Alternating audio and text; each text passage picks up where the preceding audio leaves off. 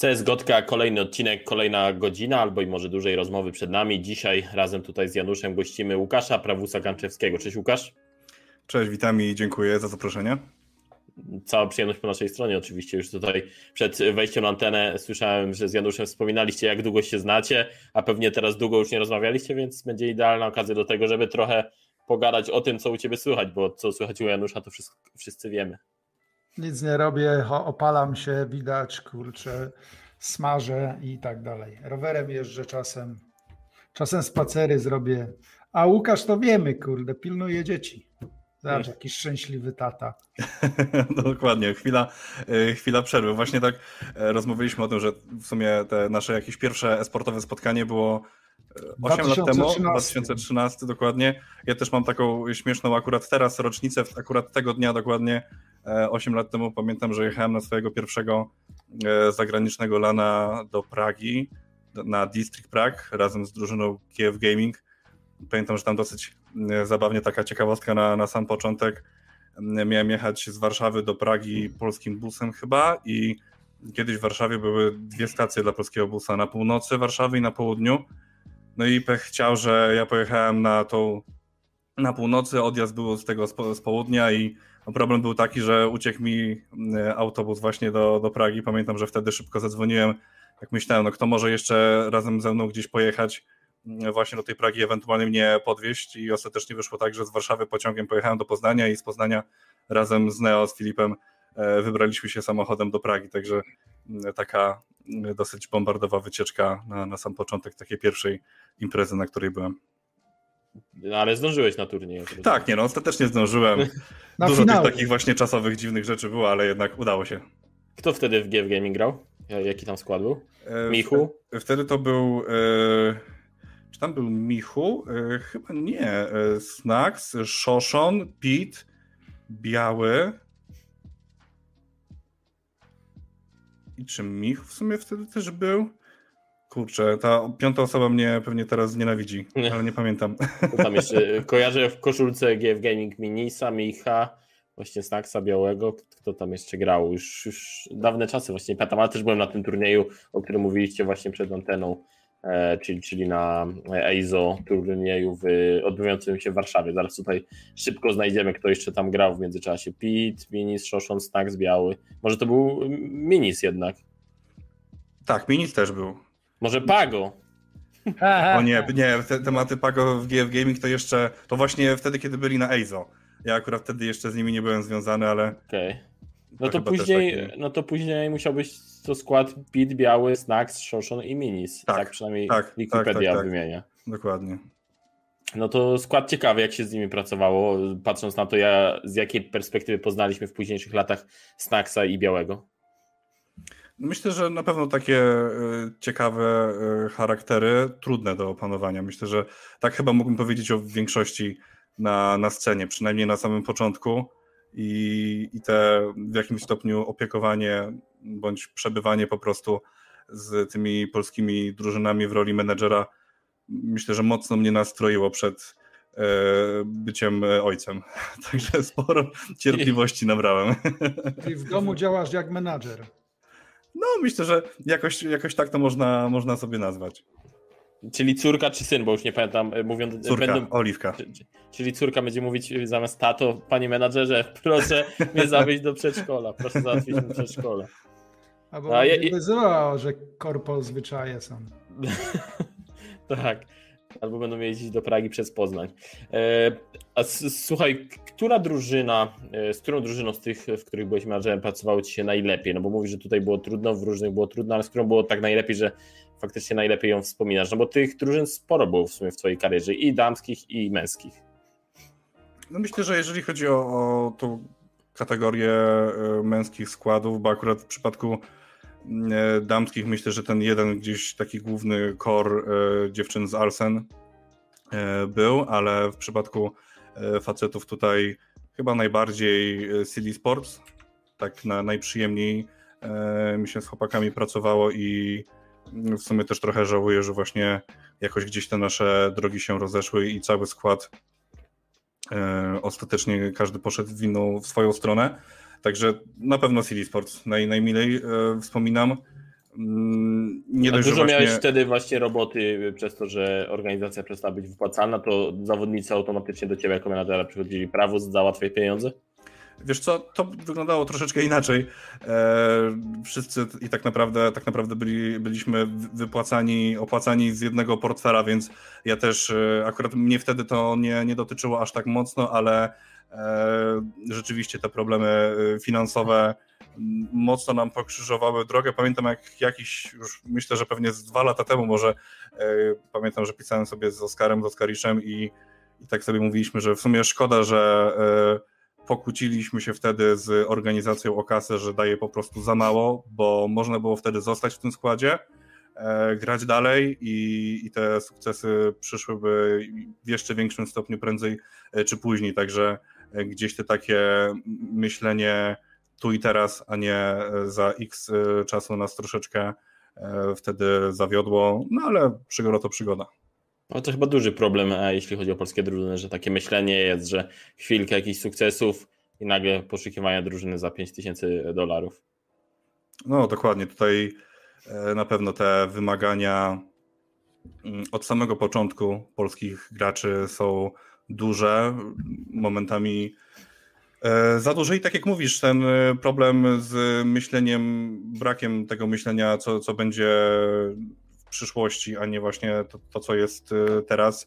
Ciężko mi w tej chwili wypowiadać się, jak to wygląda w przypadku graczy, bo już od dłuższego czasu nie mam aż tak dużej styczności z tą czołówką. No ale jednak ten, ten problem myślę, że dotyczy tego w jakimś stopniu cały czas. I to bardzo utrudniało ci pracę jako menadżera na przykład w poszukiwaniu organizacji, że ty wiedziałeś, że ci zawodnicy nie są warci tyle, ile sobie życzą na, na tym kontrakcie? Wiesz co, tak naprawdę kwestie e, właśnie znajdowania organizacji, to myślę, że w dużym stopniu mieliśmy tylko e, na poziomie jeszcze to dawno temu, bo ESC Gaming czy też G2, a właściwie to Gamers tu, bo tak się wtedy ekipa Carlosa nazywała. Także to były takie dwa momenty, w których e, rzeczywiście szukałem organizacji dla e, danego składu i no akurat w przypadku ESC tam było ciężko e, te parę więcej euro w ogóle wycisnąć od właściciela. Mocno trzymał pieniądze jak na taki skład, jakim w ogóle byliśmy wtedy na, na tle całej polskiej sceny. Bo wydaje mi się, że śmiało możemy powiedzieć, że wtedy te ESC z 2013-2014 roku e, było bardzo silne i bez względu na to, na jakiego lana jechaliśmy w Polsce i e, w jakim mm, samopoczuciu byli zawodnicy o 8 rano e, i tak byliśmy pewni, że jedziemy po zwycięstwo i wygrywamy każdy mecz. To nas myślę, że i ten skład w jakimś stopniu może później zgubiło, ale właśnie te poszukiwanie sponsora, poszukiwanie organizacji, było ciekawym wyzwaniem. Pamiętam też właśnie rozmowę z Carlosem, kiedy wysłałem, no, tak jak jednego z wielu e, maili do kolejnej organizacji, o dziwo dostaliśmy odpowiedź, że e, są zainteresowani, podobała im się nasza prezentacja i chcieliby się umówić na rozmowę. Pamiętam, że wchodzimy razem z Innocentem na e, Skype'a, tam właśnie po drugiej stronie Carlos w tym swoim wielkim gaming house'ie chciał, chciał właśnie z nami gadać, także to też taka ciekawa ciekawa historia i, i cały ten pobyt w Gamerstu. E, myślę, że przedzieraliśmy wtedy szlaki dla tych e, pozostałych polskich składów, które chociażby po nas do PSC dołączyły, e, czy też w ogóle rozeszły się po europejskich organizacjach. Jak wspominasz właśnie te czasy i współpracę z Carlosem, no, który i wtedy i teraz jest dużą legendą, jeśli chodzi o scenę League of Legends i też już myślę, że nie tylko League of Legends, ale i cały esport. Profesjonalizm to na pewno. E, najmocniej tak naprawdę chyba e, kojarzę właśnie e, Carlosa, podejście całej organizacji, te rozdzielenie na różne struktury. Nie mamy jednego gościa, który daje kasę i, i na tym się to kończy, tylko już wtedy jednak te role w całej organizacji i różne postacie, które były odpowiedzialne za, za dany dział, ta struktura cała na pewno była, to było coś, co wyróżniało nie tylko e, G2 na, na tle ESC chociażby, ale też na, na tle innych polskich składów, polskich organizacji, z którymi miałem e, okazję współpracować.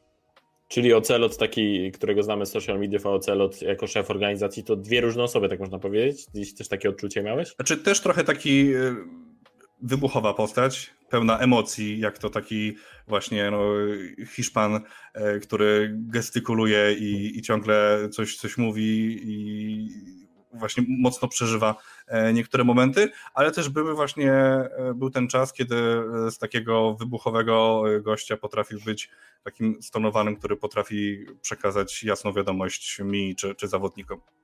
Mhm. A to był jedyny moment w Twojej karierze menadżera, w którym w pełni utrzymywałeś się z tego, czy to też nie był taki moment, że Ty byłeś raczej tam e, jako taka osoba nieetatowa?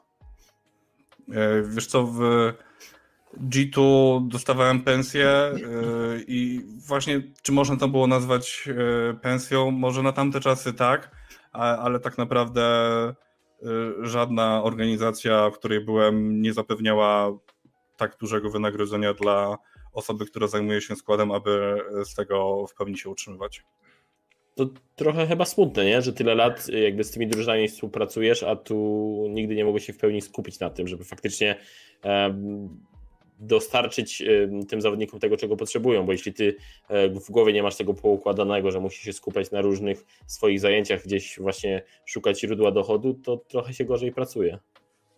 No tak, ale wydaje mi się, że chyba też od samego początku, wiadomo, zawsze chciałem, fajnie byłoby rzeczywiście robić coś konkretnie i, i na tym się w 100% e, skupić, ale tak to wyglądało zazwyczaj, że właśnie ta praca menedżera e, to było coś tak, może nie z doskoku, ale coś, co można było traktować jako taki fajny bonus, jeżeli chodzi o, o kwestię e, wynagrodzenia, dodatek Mm, czy, czy momentami e, może i rzeczywiście takie jedyne e, stałe wynagrodzenie, dodając do tego ewentualne jakieś wypłaty za, za komentowanie, ale no niestety tak to, tak to wygląda. Myślę, że też duża część polskich zawodników, którzy, nie mówię tutaj oczywiście o tej naj, najwyższej topce, ale powiedzmy takie top 10 w Polsce, tam myślę, że spora część osób też dostaje kieszonkowe, a nie, E, a nie regularną wypłatę, która, za którą można sobie jakoś poukładać życie.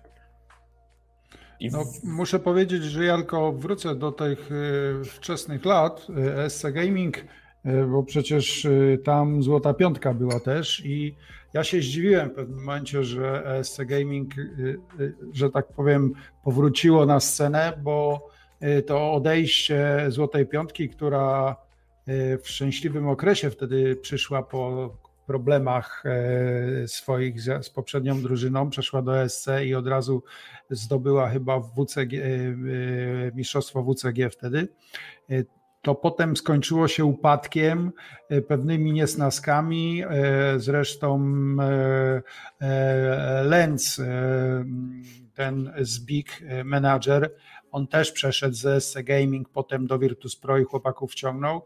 I te, y, no była to niespodzianka, że ta organizacja się gdzieś tam na chwilę podniosła, ale y, powiem, że, że trochę tak y, z obawami podchodziłem do udziału polskiej drużyny w tej organizacji. Zresztą ile to było? Pół roku? Trochę więcej chyba, nie? No taki, to był, no powiedzmy, że taki intensywny e, okres, ale dosyć krótki. No wtedy tak, tak, naprawdę jako jedna z pierwszych ekip poza Virtus Pro e, przebiliśmy się na, na Majora w, Szwecji. No bo tam właścicielem tego był w sumie i takim szefem był Rolf Placzka chyba, tak, nie? Dokładnie. Czy jakoś na, I on tak no, rozszedł się z, z przyszłymi Virtusami i z Lencem dosyć tak nie, e, w, niezbyt, że tak powiem, przyjacielskich układach. Nie?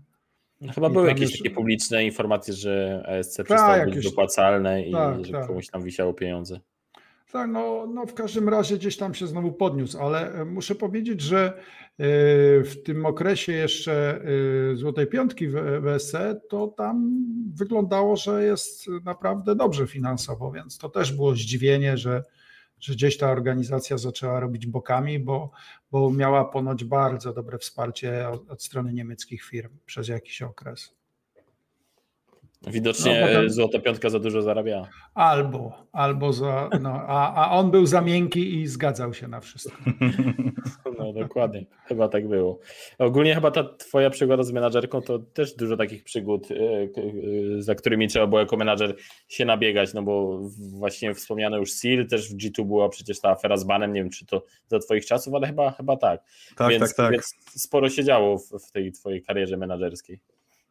Tak, dużo, dużo, dużo zamieszania, dużo jakichś takich y, no, dziwnych i nieprzyjemnych akcji, na które nie miałem e, wpływu, y, no ale z tym myślę, że wiązała się też ta, ta cała y, historia. Ja i w przypadku zajmowania się drużynami, w przypadku komentowania, e, myślę, że tak jak chyba większość jeszcze na samym początku ludzi we sporcie, byłem samoukiem i e, to było takie uczenie się na, na błędach. Pamiętam mm, taką sytuację e, z wyjazdu na Copenhagen Games jako Gamers 2. Sytuacja była taka, że dwóch zawodników pojechało, poleciało z, do Kopenhagi z Krakowa, a ja e, razem z pozostałą trójką e, miałem dolecieć z Warszawy. Mieliśmy wylot z Modlina. Jakoś o godzinie późno wieczornej, 20, 21 i nagle okazuje się, że lot zostaje najpierw opóźniony, potem e, odwołany. E, jutro zaczyna się turniej. My dalej w Warszawie, a nie w Kopenhadze i pamiętam jak właśnie późno, późno o północy czy, czy po północy dzwoniliśmy do, do Carlosa, że no, no jest problem.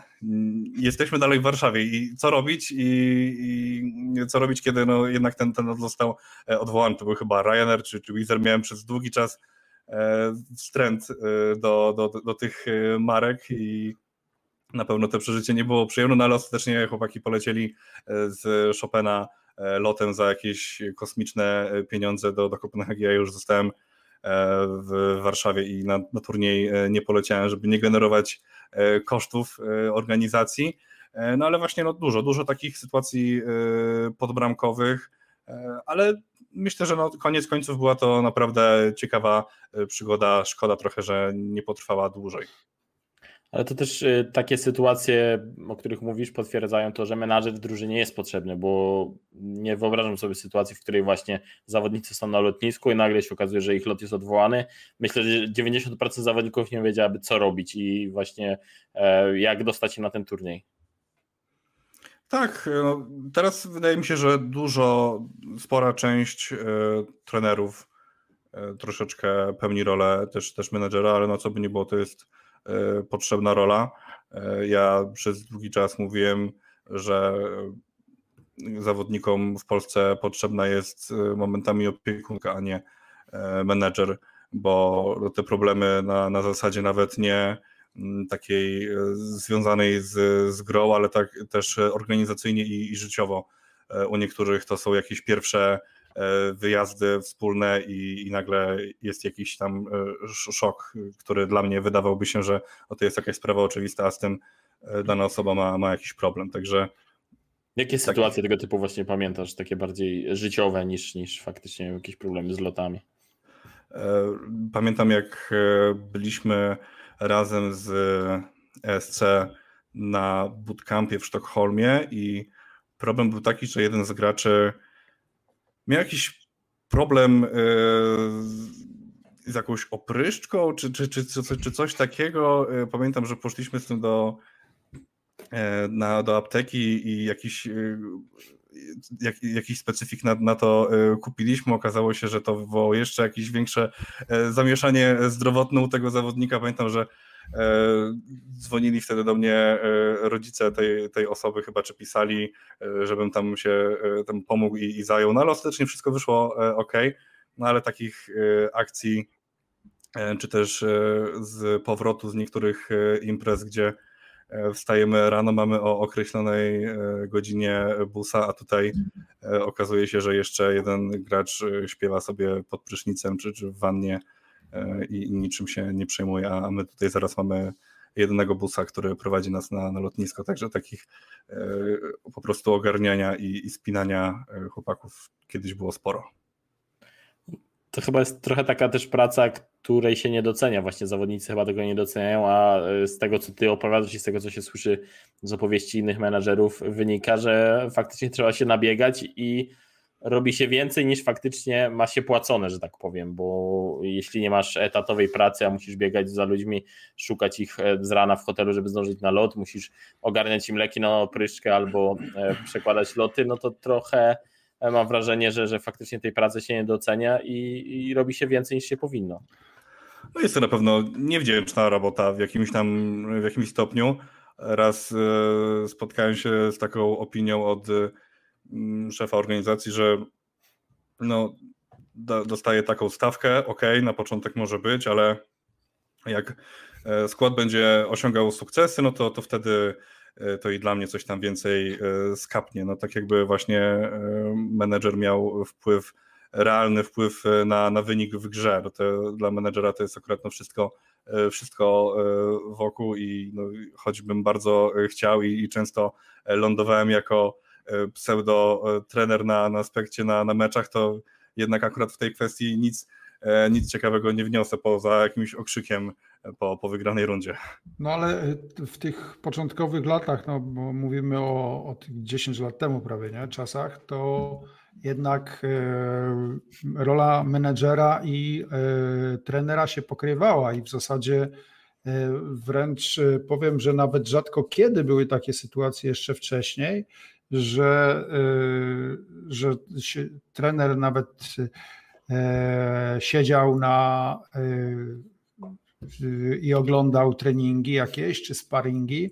E, nawet było zdziwienie, pamiętam w niektórych tych, że ktoś chce i oglądać trening graczy, gdzie grają jakiegoś spara, więc to, to jest takie dziwne. A no, tych sytuacji, gdzie menedżer jako niańka musi robić i zaganiać e, śpiących jeszcze albo nie do końca przytomnych e, e, graczy, to też można dużo opowiedzieć sytuacji. To jest niestety ciężki temat. Nie? To z czasem się zaczęło zmieniać. Nawet muszę powiedzieć, że sporą rolę gdzieś tam Mine Pro próbowało też wykonać, żeby graczy uczulić na to, co im wolno publicznie, czego nie powinni robić i tak dalej, że to ma wpływ również nie tylko na ich y, wizerunek, ale również na odbiór przez firmy partnerskie, sponsorskie, a równocześnie wpływ na jakiś tam idol, no, fanów poszczególnych graczy, bo wzory są różne, są do, nazwijmy dodatnie i ujemne. Także no, jest coś takiego. Ale czy faktycznie się to tak zmieniło? Bo jak się patrzy na te ostatnie lata, to cały czas widać takie sytuacje bardzo dziwne, gdzie e, znani, doświadczeni zawodnicy na przykład nie potrafią się zaczekinować podczas turnieju, nie potrafią stawić się na czas w innych grach, zasypiają na mecz, który mają o 19 cały czas gdzieś widać e, brak tego profesjonalizmu zawodników. I się zastanawiam, czy w ogóle to jest coś, co na szerszą skalę da się zmienić, bo e, przychodzi kolejne pokolenie graczy, których myślę, że jeszcze ciężej okiełznać niż tych, których my znamy sprzed kilku lat, tych, którzy jeżdżą na turnieje na przykład 15 lat, oni przeżyli bardzo dużo i bardziej, łatwiej jest ich po prostu okiełznać, powiedzieć, słuchaj, mamy lot wtedy i wtedy, jest impreza, baw się na imprezie, ale E, odpowiedzialność polega na tym, że na ten lot trzeba wstać, a jeśli chodzi o młodych zawodników, no to oni jeszcze nie mają e, faktycznie takiego okiełznania i często na turniejach widać e, w jaki sposób się zachowują, widać to na streamach, widać to w social mediach i mam wrażenie, że jeśli się zmieniają to takie poszczególne jednostki i tylko na chwilę, bo E, przykładem może być chociaż Stark, który wielokrotnie mówił o tym, jak on się to zmienia, a później wraca do starych nawyków. E, przykładem takim też jest trochę Biały, który w sumie cały czas e, jest takim graczem nie do okiełznania. Myślę, że Snacks trochę mniej, ale też, więc, więc tych przykładów nie brakuje. I jak wy uważacie, czy faktycznie gdzieś na tą większą skalę da się tych graczy zmienić? Znaczy mi się wydaje, że niektórzy zaczęli, e, że tak powiem, troszeczkę taką drugą twarz pokazywać, czyli publicznie zachowują się inaczej, a, a prywatnie też są trochę inni. E, przyjęli takie maski, powiedzmy, na e, tą oficjalną część, że tak powiem, swoich występów. No, ale prawda jest taka, że taka moda na luzaka, gracz pełen luz wszędzie i, i to chyba cały czas pokutuje i jeszcze długo będzie. Zresztą chyba mm, największy aplauz tacy gracze ta, mają wśród publiczności, gdzie e, są mm, no, takimi kozakami, luzakami, nie?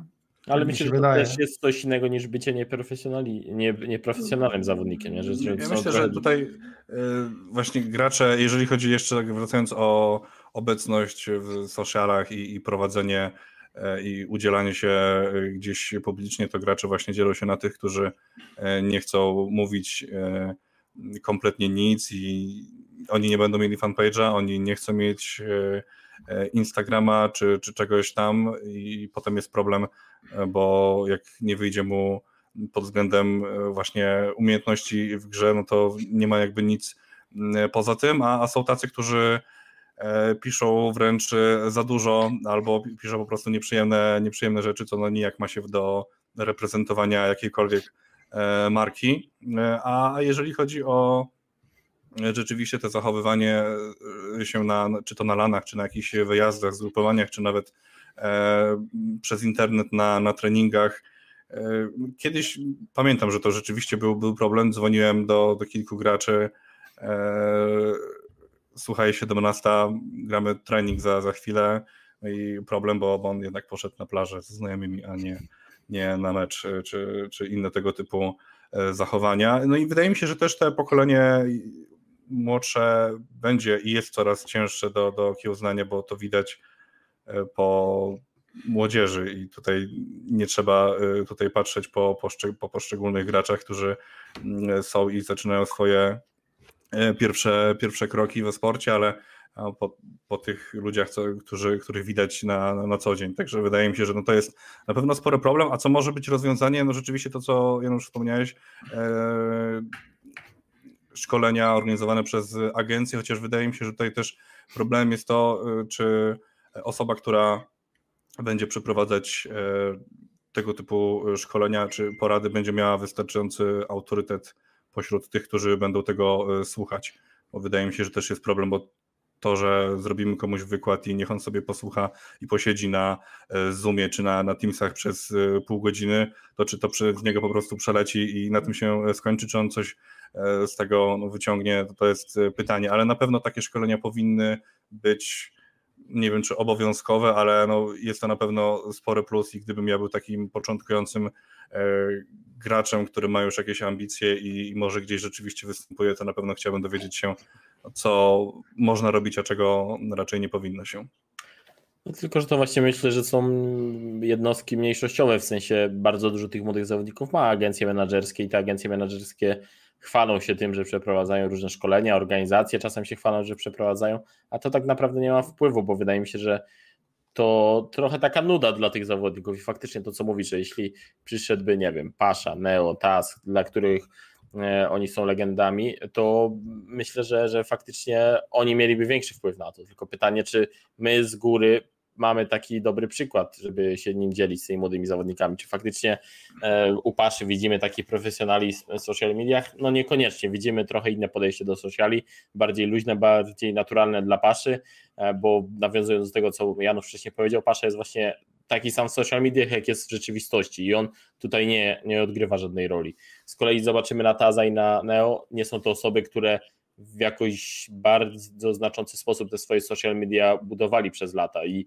e, chociaż te wszystkie profile posiadają, chociaż regularnie starają się coś wrzucać, no to nie jest to prowadzone w jakimś, e, z, jakimś takim faktycznie pomysłem e, na jakąś większą skalę, żeby to miało wpływ na ich karierę. I, i wydaje mi się, że to może być dlatego taki mały problem, jeśli chodzi o scenę CS-a, bo jeśli zobaczymy na Lola, tam być może ten profesjonalizm jest nieco większy na tym najwyższym poziomie, czyli na poziomie LEC, jeśli chodzi o Polaków, bo tam faktycznie za tymi zawodnikami stoi sztab ludzi z organizacji, który odpowiada za social media. W Polsce mamy jednego social media menadżera w organizacji, który łączy swoją rolę z pięcioma innymi.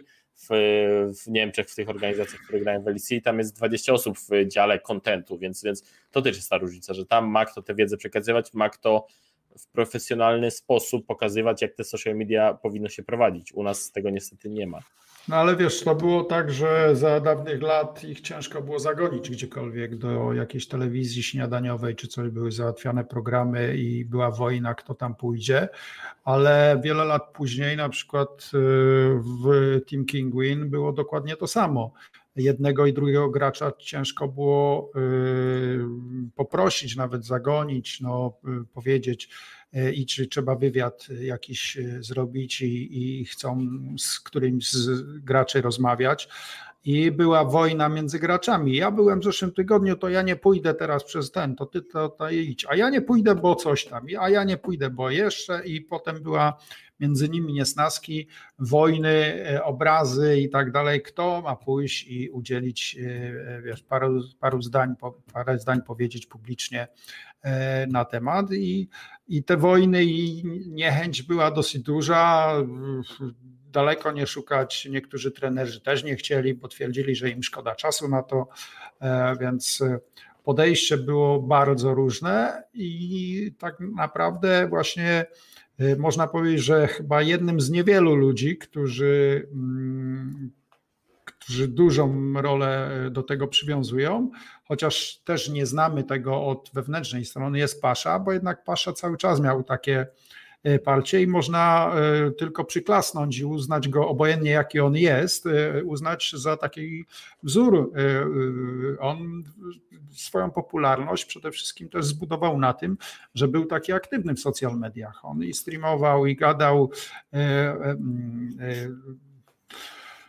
Mądrzej lub, lub mniej mądrze, ale, ale, ale po prostu był aktywny i to dało mu strasznie dużą popularność, e, dużo większą wręcz niż mają powiedzmy e, e, lepsi od niego gracze, czy bardziej doświadczeni, ten, bo po prostu on był sobą, nie udawał specjalnie nikogo innego, ale był bardzo aktywny i to jest jego duży plus. I zresztą tą taką naturalność E, niektóre firmy dosyć e, dobrze wykorzystują. No, nie silą się zmienić e, stylu paszy, bo biorą go jakim jest i to się podoba. I dopóki się podoba, na pewno będzie wykorzystywany.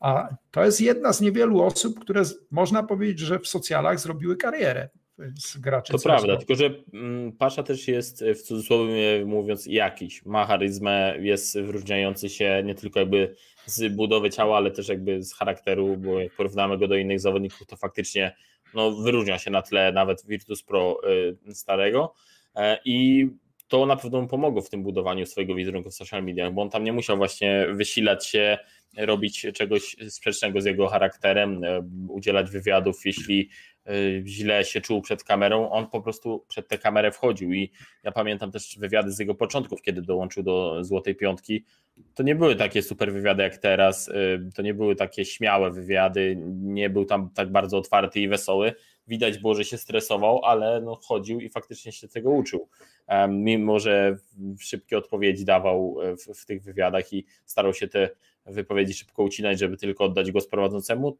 to chodził, a ci nasi zawodnicy starsi, no niestety y, starsi czy bardziej doświadczeni od paszy, e, mieli trochę tak, że jak już musieli, to szli, a za bardzo się nie. nie no, zło konieczne to było. Tak, tak. I to jest trochę przerażające, bo jeśli spojrzymy na to, jak mała skala jest y, zawodników CS-a w Polsce, takich profesjonalnych, którzy grają w turniejach, a jak dużo jest przypadków, w których zawodnicy nie chcą się udzielać w social mediach, e, w mediach, no to jest trochę przerażające, no bo nawet w piłce nożnej, gdzie ta skala jest ogromna, nie ma aż tylu chyba przypadków, y, jeśli nawet procentowo zobaczymy, że, że faktycznie ludzie nie chcą się w tych mediach udzielać. I, i, i e, dobre są te inicjatywy organizatorów turniejów, że oni zmuszają drużyny do tego, żeby tych wywiadów udzielały, bo to mimo, że na siłę, to trochę tych zawodników uczy.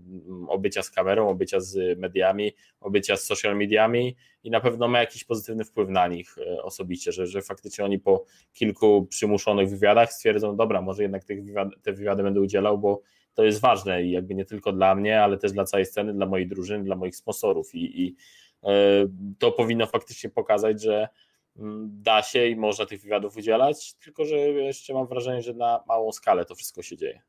Znaczy wiesz, to przykładem może być wspomniany już tu y, przy jakiejś okazji Pago, który w momencie, gdy któryś z graczy włącza stream, Pago ma dwa albo trzy razy tyle widzów na swoim streamie z jakiegoś tam meczu niż e, dobry, uznany gracz polski. Nie?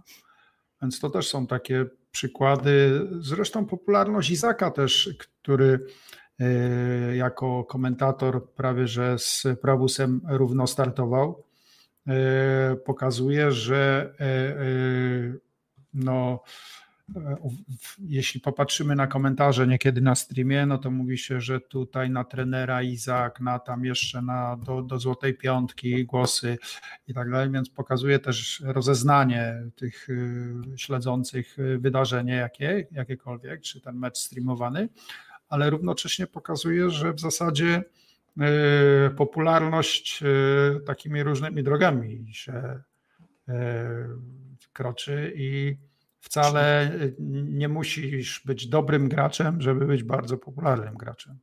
Czy ty, Łukasz, y, żałujesz czegoś właśnie w tej swojej drodze komentatorskiej, jak już Janusz do tego nawiązał, że na przykład za mało dbałeś się swoje social media, za mało chciałeś się wyróżniać na tle innych i gdzieś budować swoją karierę, kiedy mogłeś komentować te najważniejsze turnieje? Myślę, że nie jakoś bardzo mocno, bo tak naprawdę myślę, że całkiem sporo rzeczy, całkiem sporo e, turniejów e, odwiedziłem. Miałem jako jeden z nielicznych okazji skomentować e, triumf Virtusów w Katowicach w 2014 razem z Morganem i myślę, że chyba długo, długo jeszcze będziemy czekać na kolejną taką okazję i takie wydarzenie. Byłem tak naprawdę po tych dwóch barykadach, po, po dwóch stronach barykady i komentowałem dla SL i dla Fantasy Expo, także miałem okazję rzucić okiem i, i zobaczyć, jak to wygląda e, od środka. A czy e, żałuję jakiegoś mniejszego zaangażowania? Wydaje mi się, że e, w tym swoim jakimś szczytowym momencie moje zaangażowanie było naprawdę spore. Teraz już tak e, mocno się na to nie nastawiam. Tak naprawdę już e, e, te facebookowe i socialowe rzeczy trzymam bardzo, bardzo mocno na boku przez po prostu brak czasu, mm, ale nie, nie żałuję. Chociaż jedyną rzeczą, którą żałuję było to, że cały czas uważałem, że osoba bądź agencja, w której jestem, będzie, mm, będzie potrafiło się zająć mną lepiej niż ja sam i gdybym mógł się cofnąć i coś sobie powiedzieć, to powiedziałbym sobie, żebym e, do niektórych agencji po prostu nie dołączał i załatwiał sobie sam współpracę i, i sam kontaktował się z firmami, które chcą e, mnie, żebym komentował, a nie oddawał to komuś innemu, bo to wielokrotnie było w moim przypadku myślę, że pomijane i gdybym sobie sam w pewnych momentach radził i decydował, to może komentowałbym trochę dłużej. Mhm. O jakiej agencji mowa? O Fantasy Expo chyba możemy śmiało powiedzieć, bo chyba jedyna agencja, z którą miałeś umowę jakąś taką koło. E, wiesz co, akurat e, współpracowałem z Fantazy i z Knaxem na sam koniec. E, z Fantazy akurat e, co by nie było, bez względu na to, jak tam e, się komentowało, to, to dzięki e, Kamilowi i Krzyśkowi jednak miałem okazję pojechać też jako jeden z nielicznych komentatorów z Polski za granicę i skomentować sobie turniej. E, do, czy dwa Kijowa. razy na, na Ukrainę, do, do Kijowa i, mm, i jeszcze raz e, do Bukaresztu, e, do studia PGL-a razem z Nero, także myślę, że bardzo, bardzo fajna, bardzo fajne wycieczki pod właśnie względem turystycznym, ale też jako przeżycie i, i odhaczenie czegoś takiego. Ale właśnie z drugiej strony myślę, że gdybym na, na sam koniec swojej kariery działał sobie e, sam już bez żadnego przedstawiciela, bo myślę, że miałem parę takich sytuacji, w których ktoś do mnie zgłaszał się, e, weź skomentuj to, to i to i ja e, nie lekceważąc tego, a po prostu uznając, że okej, okay, to mój agent będzie wiedział lepiej, co zrobić i jaką stawkę wynegocjować, oddawałem to danej osobie, no ale to nie wychodziło zbyt dobrze. I faktycznie gdzieś teraz widzisz także, że ten czas komentatorski mógłbyś wydłużyć, że to było coś, co no, mogło trochę inaczej na to twoje życie esportowe wpłynąć, bo jak patrzę na te twoje lata w esporcie, to mam wrażenie, że ty trochę się właśnie tułałeś, byłeś w drużynach, byłeś w, w, w, różnych projektach, byłeś jako komentator w różnych firmach, a nie wszędzie jakby albo ty, bo, bo tego nie wiem, albo ty nie miałeś takiego podejścia w 100%, że chcesz się tym zająć, albo te firmy, z którymi współpracowałeś, nie wykorzystywały ci w 100% i raczej stawiały na inne osoby w tych projektach. Myślę, że na pewno mogłem zrobić więcej. E, koniec końców pewnie i tak skończyłoby się to mniej więcej e, teraz, bo no ciężko byłoby e, w tej chwili jeździć i komentować. Ale no wydaje mi się, że może rzeczywiście to mogło trochę, trochę dłużej przejść. Ja też może w jakimś stopniu w pewnym momencie oczekiwałem, że akurat uda się trochę, trochę więcej z danymi firmami popracować. No i też nie ukrywam, że komentowanie dla mnie super sprawa i super przygoda przez te 8-9 e, lat, ale myślę, że mimo wszystko mm, można, można to było zrobić e, lepiej. Nie jest to bardzo wdzięczna robota, przynajmniej jeżeli nie jest się e, Morganem bądź Kubikiem, którzy są na stałe związani z jedną marką i ewentualnie gdzieś na boku mogą jeszcze wystąpić przed kamerami dla, dla kogoś innego. Jeżeli jesteś freelancerem, e, to nawet kiedy jesteś x lat na scenie, nie jest to w żadnym stopniu e, ważne. Dużo trzeba się przymilać do niektórych ludzi, a ja też nie jestem fanem, mm, żeby komuś w tyłek wchodzić i, i złapać ten jeden weekend komentowania więcej. Także na pewno nie jest to nic przyjemnego bardzo mocno, ale też E, jak patrzę na to, ile kiedyś ludzi e, było do komentowania, a ile jest teraz, e, szczególnie tak z ramienia Good Gaming, ile, z iloma komentatorami mam okazję współpracować, to naprawdę wygląda to obiecująco. I faktycznie daje się szansę tym młodym komentatorom na dłuższą metę, bo wiadomo, że pojawiały się różne twarze, które komentowały jeden, dwa turnieje, a później gdzieś nich ginął i znowu na transmisjach widzieliśmy te same twarze, czyli e, Morgana, e, czyli Kubika, Izaka, teraz od, nie, znaczy od niedawno, od kilku lat Łukasza Pożyczka, Wuzeja, Madłana, Ciebie we wcześniejszych latach. Czy nie było zawsze tak, że faktycznie testowało się różne możliwości, a ostatecznie stawiało się i tak na tych samych i, i trochę te twarze, mam wrażenie, też się ludziom przejadły? No tak, to na pewno. Ten obraz y, i, i ciągłe pary, te, te, te, same, chociaż no to jest plus i minus, bo jednak plus y, z perspektywy y, widza i osób, które komentują cały czas ze sobą, to jest myślę, że spory problem w Polsce, czyli brak tych par poza Kubą i, i mhm. Maćkiem. Tutaj nie ma, inny, nie ma innych takich par, które mają ze sobą po prostu okazję współpracować razem i wydaje mi się, że ta, ten brak ciągłości w przypadku wielu komentatorów jest minusem, bo oni nie mają kiedy się zgrać tak jak ja e, chociażby e, uwielbiałem i myślę, że e, obustronnie razem z Bogdanem super nam się komentowało na, na niektórych turniejów. Tak, tak wydaje mi się, że gdybyśmy mieli okazję jeszcze więcej, bądź inne osoby miałyby właśnie w parach, w tej stałej parze okazję komentować, to wychodziłoby to na dobre i dla nich, i dla tych, którzy by ich oglądali. Ale no ja teraz tak z perspektywy osoby, która rzeczywiście wybiera kasterów do mm, różnych projektów, które robimy w Good Game League, chociażby e, teraz całoroczna seria mm, turniejów Home Sweet Home. Mm, ostatnio koniec edycji Spring Sweet Spring. Tutaj mielimy tak naprawdę e, wszystkimi, którzy e, są, którzy są chętni, którzy chcą komentować i spróbować swoich sił i no, wydaje mi się, że to naprawdę wygląda bardzo, bardzo ciekawie, przede wszystkim pełne zaangażowanie i to z jakim obrazem momentami e, spotykałem się jako e, komentator, jakie zaangażowanie widziałem po stronie tego drugiego gościa, który siedzi obok mnie, a jak to wygląda teraz w przypadku tych młodych osób. Pełne zaangażowanie, chcą komentować dużo, nieważne o której godzinie. I mam nadzieję, że to też tym wszystkim, którzy teraz się angażują i starają, zaprocentuje w przyszłości. Ale to jest chyba jeden problem, bo zobacz, że Prabus i, i Kubik, oni są związani. Morgan. I Morgan, e, e, e, Morgan i Kubik e, są związani z SLM, e, ale w każdym razie e, oni mają dostęp też do ESL na tej arenie światowej, pomijając, że ESL robi polskie też imprezy, to mają jednak dużo imprez do skomentowania, czy to dreamhackowych, czy ESL-owych e, bezpośrednio, bo to jednak jest ta sama firma. E, I, e, i, i w zasadzie ESL-owi jest są potrzebne, jest taka para, czy jeszcze jedna może para niekiedy i, i, i tyle, i to im wystarczy, a z takimi springami teraz wyskoczyliście, bo tego jest bardzo dużo. Zobaczę Fantasy Expo, które robiło PLE, no dobra, miało jeden sezon PLE tam jakiś wiosenny, potem kupę czasu nic, potem pojawiał się jakiś tam zimowy i znowu czy jesienno-zimowy i tyle.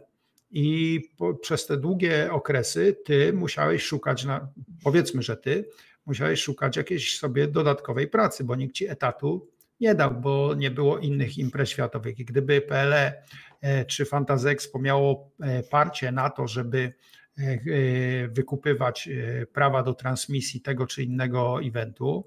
Gdyby tych eventów było więcej, bo jednak one ostatnimi czasy troszeczkę siadły, były internetowe, gdyby wykupywało prawa do konkurencyjnych imprez, a zwróćmy uwagę, że tych konkurencyjnych imprez do ESL i DreamHacka jest coraz mniej. StarLadder się obudził ostatnio nie, z eventami, ale przecież przez dwa lata praktycznie E, covidowe Starladera nie było na świecie, e, a przynajmniej na CS-owym świecie, więc nie było co komentować.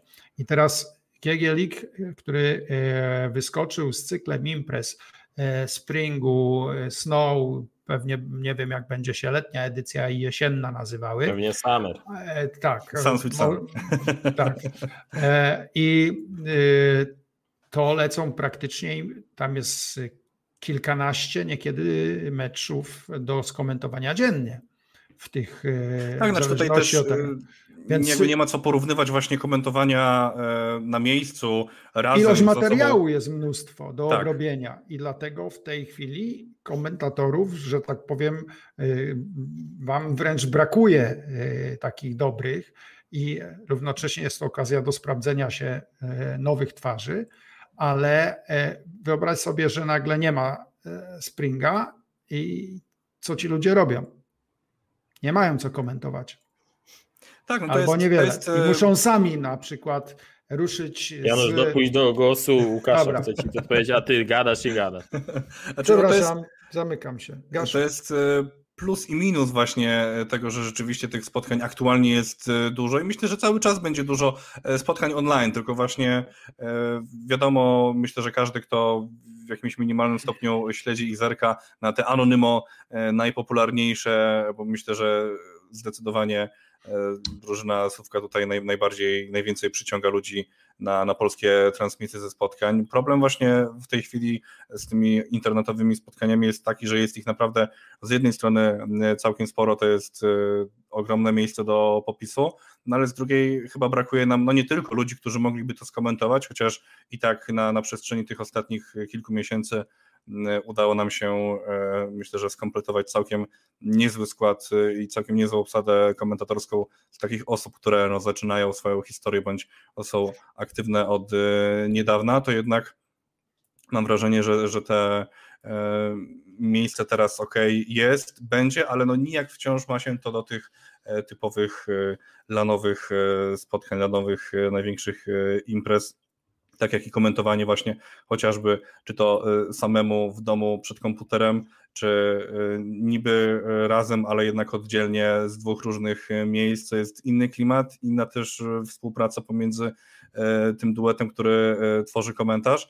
Także tutaj no, aktualnie myślę, że można to traktować i ja to też traktuję tak na, na tle tych wszystkich kasterów, z którymi współpracujemy jako e, warsztat, nadrabianie tego warsztatu i, i szansa na to, żeby zobaczyć, jak ktoś aktualnie wygląda w pojedynkę. Czekam na na pewno na wznowienie e, imprez e, w Polsce, może z jakąś większą e, częstotliwością, aby zobaczyć te same osoby, ale właśnie na miejscu. No, myślę, że też aktualnie w przypadku polskich casterów ciężko oczekiwać, żeby ta pula osób była, rosła względem tych topowych ludzi, bo w pewnym momencie na pewno będzie przepych i mm, nie ma co też oczekiwać, że komentator to jest robota etatowa i komentuje od 8 do 16 i komentuje codziennie. No ja też w jakimś stopniu z takimi problemami ciągłości finansowej i łapania jakichś wyjazdów na, na turnieje. Y, kiedyś miałem z tym, z tym problem, no teraz tak naprawdę czasem zastanawiam się, czy nie wskoczyć na, na jakiś jeden, drugi, trzeci meczek, jak kogoś brakuje, nawet przy właśnie tak, tak sporej liczbie osób. No właśnie, bo odpowiedziałeś akurat na jedno z pytań, ktoś tu, czy, czy wrócisz do komentowania. Także akurat ktoś, ktoś takie pytanie zadał. E, czy masz zamiar? No, to tylko wskoczyć. No to jest sporadycznie. To jest sporadycznie, tak naprawdę, jeżeli rzeczywiście nikogo, e, nikogo nie ma, może jeżeli zrobimy e, coś ciekawego z Good Game League, to na jakiś finał wskoczę na jedną mapkę, ale teraz już raczej po, po tej drugiej stronie organizacyjnej, organizacyjnej to wszystko spinam, mm, także na, na te komentowanie, tak jak kiedyś chyba powoli y, brakuje energii, a też tak jak y, jeszcze wcześniej mówiłem, jestem spełniony. E, jako komentator, mimo wszystko byłem, e, odhaczyłem naprawdę e, sporo punktów i myślę, że to była bardzo fajna przygoda, ale teraz szczególnie po narodzinach mojej córki w pełni mnie to zmotywowało, żeby jednak znaleźć coś stałego, coś w czym ponownie mogę się e, rozwijać na nowo, tak jak robiłem to w komentowaniu. Teraz właśnie razem z Good Game League e, działam i, i mam nadzieję, że będzie to wszystko szło w dobrą stronę. A zanim dołączyć do e, Good Gaming, do którego za chwilę przejdziemy, jak ty sobie radziłeś właśnie w tych momentach, kiedy na przykład nie było turniejów do komentowania? Mówiłeś o tych właśnie nie problemach finansowych, ale problemach z ciągłością finansową. Czy to był moment, w którym ty musiałeś iść do jakiejś pracy poza e-sportem, czy raczej wokół e-sportu cały czas udawało ci się e, faktycznie obracać i, i jakoś dawałeś radę? Już to tak naprawdę e, takim momentem, e, w którym poszedłem do, do pracy e-sportowej chyba w 2014 roku po, po Gamers 2, jeżeli dobrze pamiętam. Wtedy byłem jako menedżer Izako Bors, też przez co prawda krótki moment, ale e, wtedy byłem mocniej związany z Fantasy Expo i, i to był ten moment, w którym e, rzeczywiście w jakimś stopniu utrzymywałem się e, z tego. Były takie sytuacje, w których rzeczywiście było, było ciężko. Miałem jakieś powiedzmy nieformalną umowę z stacją Fight Club, dla, dla, którego, dla których komentowałem całą serię. Prawie przez, przez cały rok miałem komentować serię Dreamhacka. To też ciekawa przygoda, komentowanie solo X do trójek dziennie przez kilka dni. Polecam. E, ale właśnie pamiętam, że e, była taka nieprzyjemna sytuacja. Jestem w sklepie dwie godziny przed transmisją, kupuję coś, coś na transmisję, właśnie jakieś, jakieś napoje i nagle dostaję SMS-a bądź telefon, że sorry Łukasz, ale jednak stacja nam się wycofała z tego Dreamhacka i nie robimy go już. Cześć. I, i no nie było to na pewno nic przyjemnego i ostatecznie wyszło tak, że e, no nie wiedziałem co robić. E, a że jeździłem e, sporo na rowerze, to pomyślałem, że może pojeżdżę sobie z plecakiem i porozwożę komuś jedzenie. Także pamiętam jak e, wózę i nie pamiętam kto jeszcze komentowali, e, to był chyba we wrześniu Face It Major, to mhm. wtedy jak leciał finał, to ja sobie jeździłem na, na rowerze na Delivery i i dostarczałem e, jakieś różne posiłki, ale to akurat trwało dwa tygodnie dosłownie i, i potem pojawiła się znowu jakaś oferta e, esportowa. To było bardzo męczące, czyli właśnie te przeskakiwanie po prostu z projektu na projekt. E, tu wiem, że a tutaj będę miał dwa weekendy zajęte, tutaj jeszcze jeden wyjazd. Było to całkiem ciekawe, sporo wyjazdów, sporo poznanych ludzi, ale jednak w pewnym momencie trzeba się trochę ustatkować, uspokoić i do tego właśnie dążyłem. I jak trafiłeś do G League? Dlaczego akurat ta firma? Bo mieszkasz obecnie w Katowicach czy gdzieś w okolicach Katowic, więc najbliżej ci tak lokalizacyjnie do ESL, a tu jednak e, wybór trochę inny.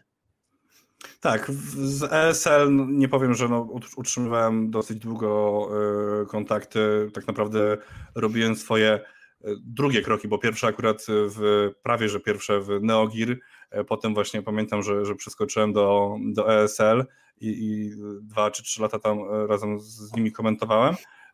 A, a Good Gaming tak naprawdę no, wyszło gdzieś pomiędzy. To było chyba, właśnie pamiętam, w momencie, kiedy komentowałem dla E, Fight Clubu Dreamhacki. Mm, wtedy wyszedł temat właśnie pojechania na, na któryś z przystanków e, serii Good Game League no i tak e, myślę, że przyjemnie współpracowało mi się z Mateuszem i, i z całą ekipą, że no ostatecznie w tamtym roku w październiku zapadła taka decyzja, że pojawię się w Good Game League, ale nie jako komentatora jednak osoba, która te różne tematy transmisyjno-komentatorskie y, spina razem i, i myślę, że całkiem dobrze sobie tutaj razem z ekipą z Poznania mm, współpracujemy i co by nie było, to też wiąże się z przeprowadzką, którą planuję po wakacjach. Także jak wszystko dobrze pójdzie, mam nadzieję, że tak to może, może na rowerze się pojeździmy sobie, Janusz, w no, Poznaniu. Mam nadzieję. Mam parę fajnych tras opracowanych. A jak ty się w tej e, roli, Łukasz, czujesz? No bo to jest trochę tak, że mm, z przymusu trafiłeś na etatową pracę, z tego co mówisz, ale czy to jest faktycznie coś, co cię jara i czy cię jara to bardziej niż komentowanie? Tak. E, jeszcze jak e, pracowałem, komentowałem WSL i jeździłem do Katowic właśnie do studia, mieszkając jeszcze w Warszawie, jak obserwowałem osoby, które E, zajmują się e, właśnie komentatorami od, odgórnie e, tej pozdrowienia dla Jarka czy dla Pasi, którzy, z którymi właśnie miałem kontakt. Spodobało mi się to i tak pomyślałem sobie już wtedy, że w sumie fajnie byłoby stanąć właśnie po tej drugiej stronie, nie za mikrofonem, ale właśnie od, od góry i w jakimś stopniu robię właśnie między innymi to, to nad, czym, nad czym chciałem zajmować się właśnie e, jeszcze wtedy, jak obserwowałem, jak e, zajmują się właśnie ludzie w ESL e, komentatorami no i w jakim stopniu staram się właśnie robić to samo w GGL-u. Mhm. I tutaj odpowiadasz tylko za komentatorów, czy jeszcze jakiś szerszy zakres? Nie, tutaj tak naprawdę pojawiają się też inne tematy. Myślę, że też jako GGL z moim udziałem działaliśmy właśnie, czy to mm, przy swoich, częściowo przy swoich e, projektach, czyli właśnie przy wypuszczaniu e, transmisji z Home Sweet Home, czy z teraz Pinnacle Cupa, czy z Flashpointa, którego na spółkę komentowaliśmy z Izakiem. Tutaj też e, między innymi dużo, dużo roboty przy Polskiej Lidze Sportowej, dokładnie przy dywizji profesjonalnej. Tam też jakiś mały swój udział miałem. Też jako GL powoli szczególnie w momencie, kiedy ta mm, pandemia wyszła na jaw, mm, mieliśmy też okazję robić e, całkiem sporo nieesportowych i niegamingowych rzeczy związane mm, z takimi stricte transmisyjnymi sprawami, webinarami i, i tego typu rzeczami, które, które robiliśmy i cały czas robimy. Tak więc no, myślę, że e, wygląda to nieźle i na pewno ja cieszę się, że taką robotę e, i taką, takie zajęcie aktualnie mam, bo w pewnym momencie po prostu czułem się wypalony, jeżeli chodzi o komentowanie, bo jednak ile można. Wiem, że e, są tacy, którzy robią to dłużej e, niż ja i wychodzi im to świetnie. Tutaj na pewno gratuluję i biję brawa, ale ja po prostu w pewnym momencie poczułem, że no dobra, dosyć. Nie chcę patrzeć na ten e, mikrofon i komentować e, kolejne mecze, mecz za meczem, bo to po prostu momentami traciło, traciło sens, a e, zajmowanie się właśnie między innymi innymi kasterami, czy też robienie innych rzeczy związane, związanych z właśnie PM-owaniem sprawia mi to naprawdę sporą satysfakcję i mam nadzieję, że więcej takich wyzwań jeszcze w moim życiu się pojawi. I faktycznie powinniśmy się przyzwyczajać do tej roli prawusa za kamerą. Bardziej to jest taka twoja droga długoplanowa? Tak, tak to na pewno widzę jako e, taki moment stabilizacji e, w swoim życiu. E, czyli właśnie taki kompletnie, no dalej esportowo gamingowy temat, ale jednak właśnie z tej, z tej drugiej strony. Jakby w żadnym stopniu nie, nie blokuję sobie i nie mówię, że już nigdy nie będę komentować, bo na pewno jakieś okazje gdzieś z doskoku się trafią, ale właśnie będę to traktować tak, jak chyba w jakimś stopniu powinienem przez długi czas, czyli właśnie coś dodatkowego a nie. E, przez, wydaje mi się, że też chyba pod koniec zbyt długo, zbyt mocno starałem się, żeby na siłę z tego komentowania zrobić e, stałą pracę, e, aniżeli dodatek. I, i teraz rzeczywiście, jako ten dodatek to może być, i, i z tym wtedy się czuję dobrze. Myślę, że też spokojniej podchodzę każdego dnia do życia. Ale nie wydaje ci się, że. Przepraszam. Mogę? Możesz, możesz. Kontynuuj, bo zaraz kończymy, bo tu burza nad Warszawą idzie, trzeba, trzeba okna pozamykać, żeby nas nie Nie myślisz, że y, łatwiej było takim osobom jak Izak, czy Pasza, czy ten y, nawet y, nazwijmy to żyć z takiego komentowania, bo gdzieś tam znalazłem w naszej historii rozmów dawnych lat, że były z tego niewielkie pieniądze, z tego komentowania, trzeba było tam parę tysięcy widzów mieć, żeby zacząć zarabiać i, i, i się z tego utrzymywać. E, pamiętam, że Minister of Win, które jako jeden z pierwszych w Polsce zrobiło taki, e, to osoby związane z Gameburgiem, zrobiły taki pierwszy gaming house, do którego przyjeżdżali gracze z całego świata, głównie StarCraftowcy. No i oni, o ile pamiętam, po paręnaście godzin dziennie grali i cały czas to streamowali i tam dochodziły kwoty do około 6 tysięcy dolarów miesięcznie dostawali za to streamowanie.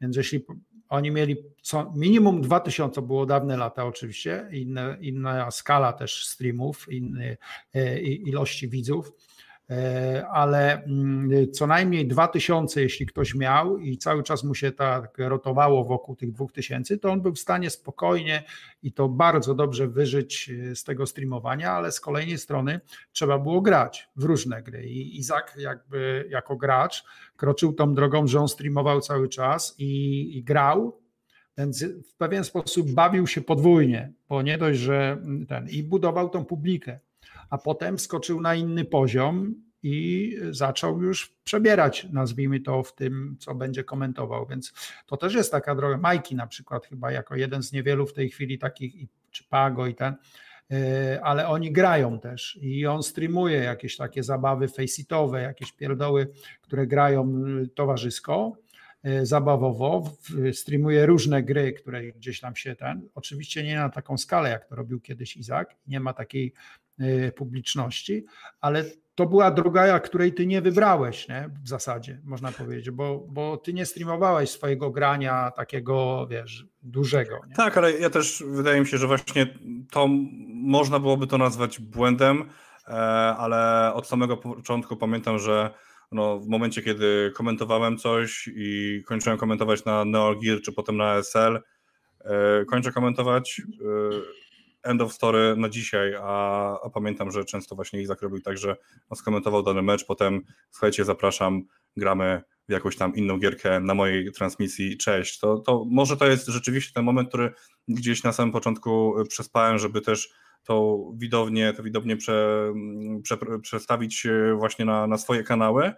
E, chociaż no nie ukrywam, że też jakąś tam przygodę influencersko-youtubową może i w jakimś minimalnym stopniu miałem, bo jakieś tam głupie e, filmiki, które do dzisiaj się wstydzę na swoim kanale mam, jakieś 10 typów graczy albo inne szalone rzeczy, no ale właśnie zawsze robiłem to z taką z takim wzdrygnięciem, że no śmiesznie, widzę, że tutaj zaczynają to ludzie oglądać, ale nie jest to mój klimat i, i taki obraz y, y, pajacyka, y, nie mówię, że akurat każda inna osoba tak się prezentuje, ale akurat to w jaki sposób ja to robiłem nie podobało mi się, robiłem to raczej tak, żeby zapchać sobie gdzieś tego YouTube'a i, i tak to poszło, a poszedłem właśnie w stronę typowo pod dane kanały i wydaje mi się, że błędem było to, że e, w 100% nastawiają się, żeby właśnie zrobić jakiś content jako e, komentator, ale na kanałach nie swoich, na kanałach e, jakichś innych marek i może to rzeczywiście było ostatecznie sporym problemem. No ale Ale Morgan chyba podobny problem ma, że faktycznie to jest gość, który najdłużej komentuje z wszystkich komentatorów e-sportowych w kraju, a ten jego fanbase y, nie jest jakiś wielki, w sensie dużo ludzi go zna, ale on tego nie umiał nigdy przekuć właśnie w liczby. No właśnie pytanie, na...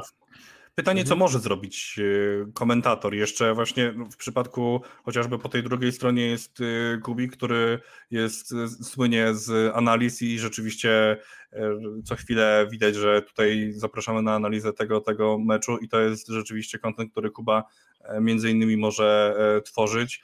Widzę, że Morgan często mm, włącza transmisję i tam po prostu pyka w jakąś grę, ale to nie są rzeczy, które przyciągają setki e, ludzi, także to jest też coś takie ala, a spróbuję, może się uda. Ja też miałem bardzo dużo takich e, krótkich podejść, a włączę tego streama, ale bardziej po prostu sprawiało mnie, bardziej mi się to nie podobało w momencie, kiedy no, patrzyłem, że okay, no mam gdzieś na tym fanpage'u kiedyś te 20 czy 30 tysięcy lajków, a odpalam streama i, i tam tych osób jest 25. I no dla mnie to na pewno było takie e, irytujące, co ostatecznie też w żadnym stopniu nie motywowało, żeby robić e, coś więcej, ale też nie wiem, czy odnalazłbym się na właśnie w, w roli takiego e, streamera, bo Pago ze mnie nie będzie. E, no, zostałem prawosem i tak się to skończyło. No, na pewno trzeba mieć kilka cech do tego. Z jednej strony tak, tak. czuć się naturalnie w takich e, rzeczach, a z drugiej na przykład dobrze grać w te gry, bo wiadomo, że ludzie chcą też oglądać jakiegoś skilla, nie tylko kogoś, kto na przykład będzie pajacował przed tymi Dokładnie. grami. E, na dłuższą metę to raczej nie przejdzie. Tak na koniec, bo być może za chwilę mi prąd wywali przez to, co się dzieje za oknem.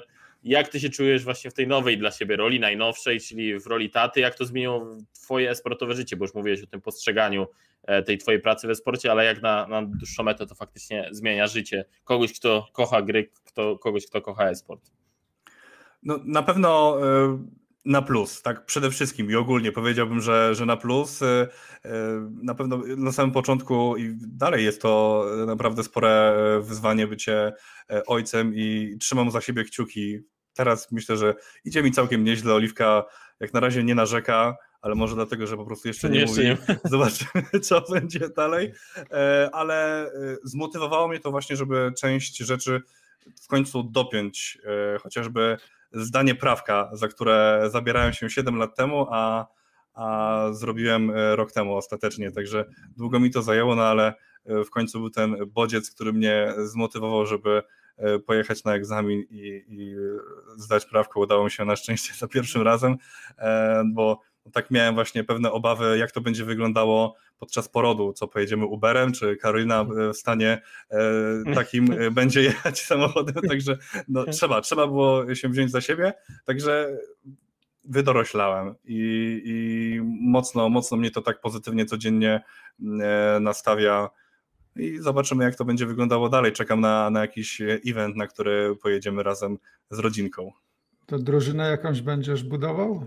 Żeńską? No, może jakieś 2 na 2 500 plus.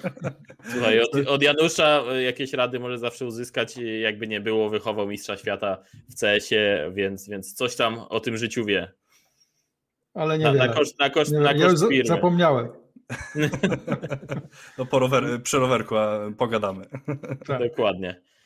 Dobra, Łukasz, bardzo Ci dziękujemy za, za dzisiejszy odcinek. Fajnie było znów Cię za tym mikrofonem zobaczyć, nie tylko faktycznie za kamerą, gdzie Cię nie widać, ale że mogłeś w końcu przemówić do ludu. Tutaj kilka pytań było właśnie o ten Twój powrót, o te Twoje niewykorzystane szanse w mniemaniu e, widzów, ale Ty to wytłumaczyłeś swoimi słowami i tym, jak to postrzegasz, więc fajnie było tę Twoją perspektywę też poznać, bo na pewno myślę, że byłeś taką jedną, czy jesteś dalej jedną z tajemniczych, e, bardziej tajemniczych postaci, jeśli chodzi o scenę komentatorską CS-a w kraju, właśnie pod kątem budowania tej kariery. Więc dzięki bardzo za to, że wpadłeś i podzieliłeś się z nami swoimi wspomnieniami. Ja również dziękuję. I Wam też dziękujemy razem z Januszem, e, który jak zwykle za chwilę Mogę. się pożegna za, za, za, dzisiejszy odcinek. I w wakacje raczej będziemy słyszeć się co dwa tygodnie, bo nieco mniej na tej scenie CSA się dzieje, więc e, już teraz możemy powiedzieć, że za tydzień się nie słyszymy, słyszymy się za dwa tygodnie. Więc dzięki jeszcze raz, subskrybujcie, lajkujcie, obserwujcie wszystkie nasze kanały, a na pewno będziecie wiedzieć, kto będzie gościem, o czym będziemy rozmawiali. Dzięki jeszcze raz, do usłyszenia. Uciekamy, bo burza nas goni.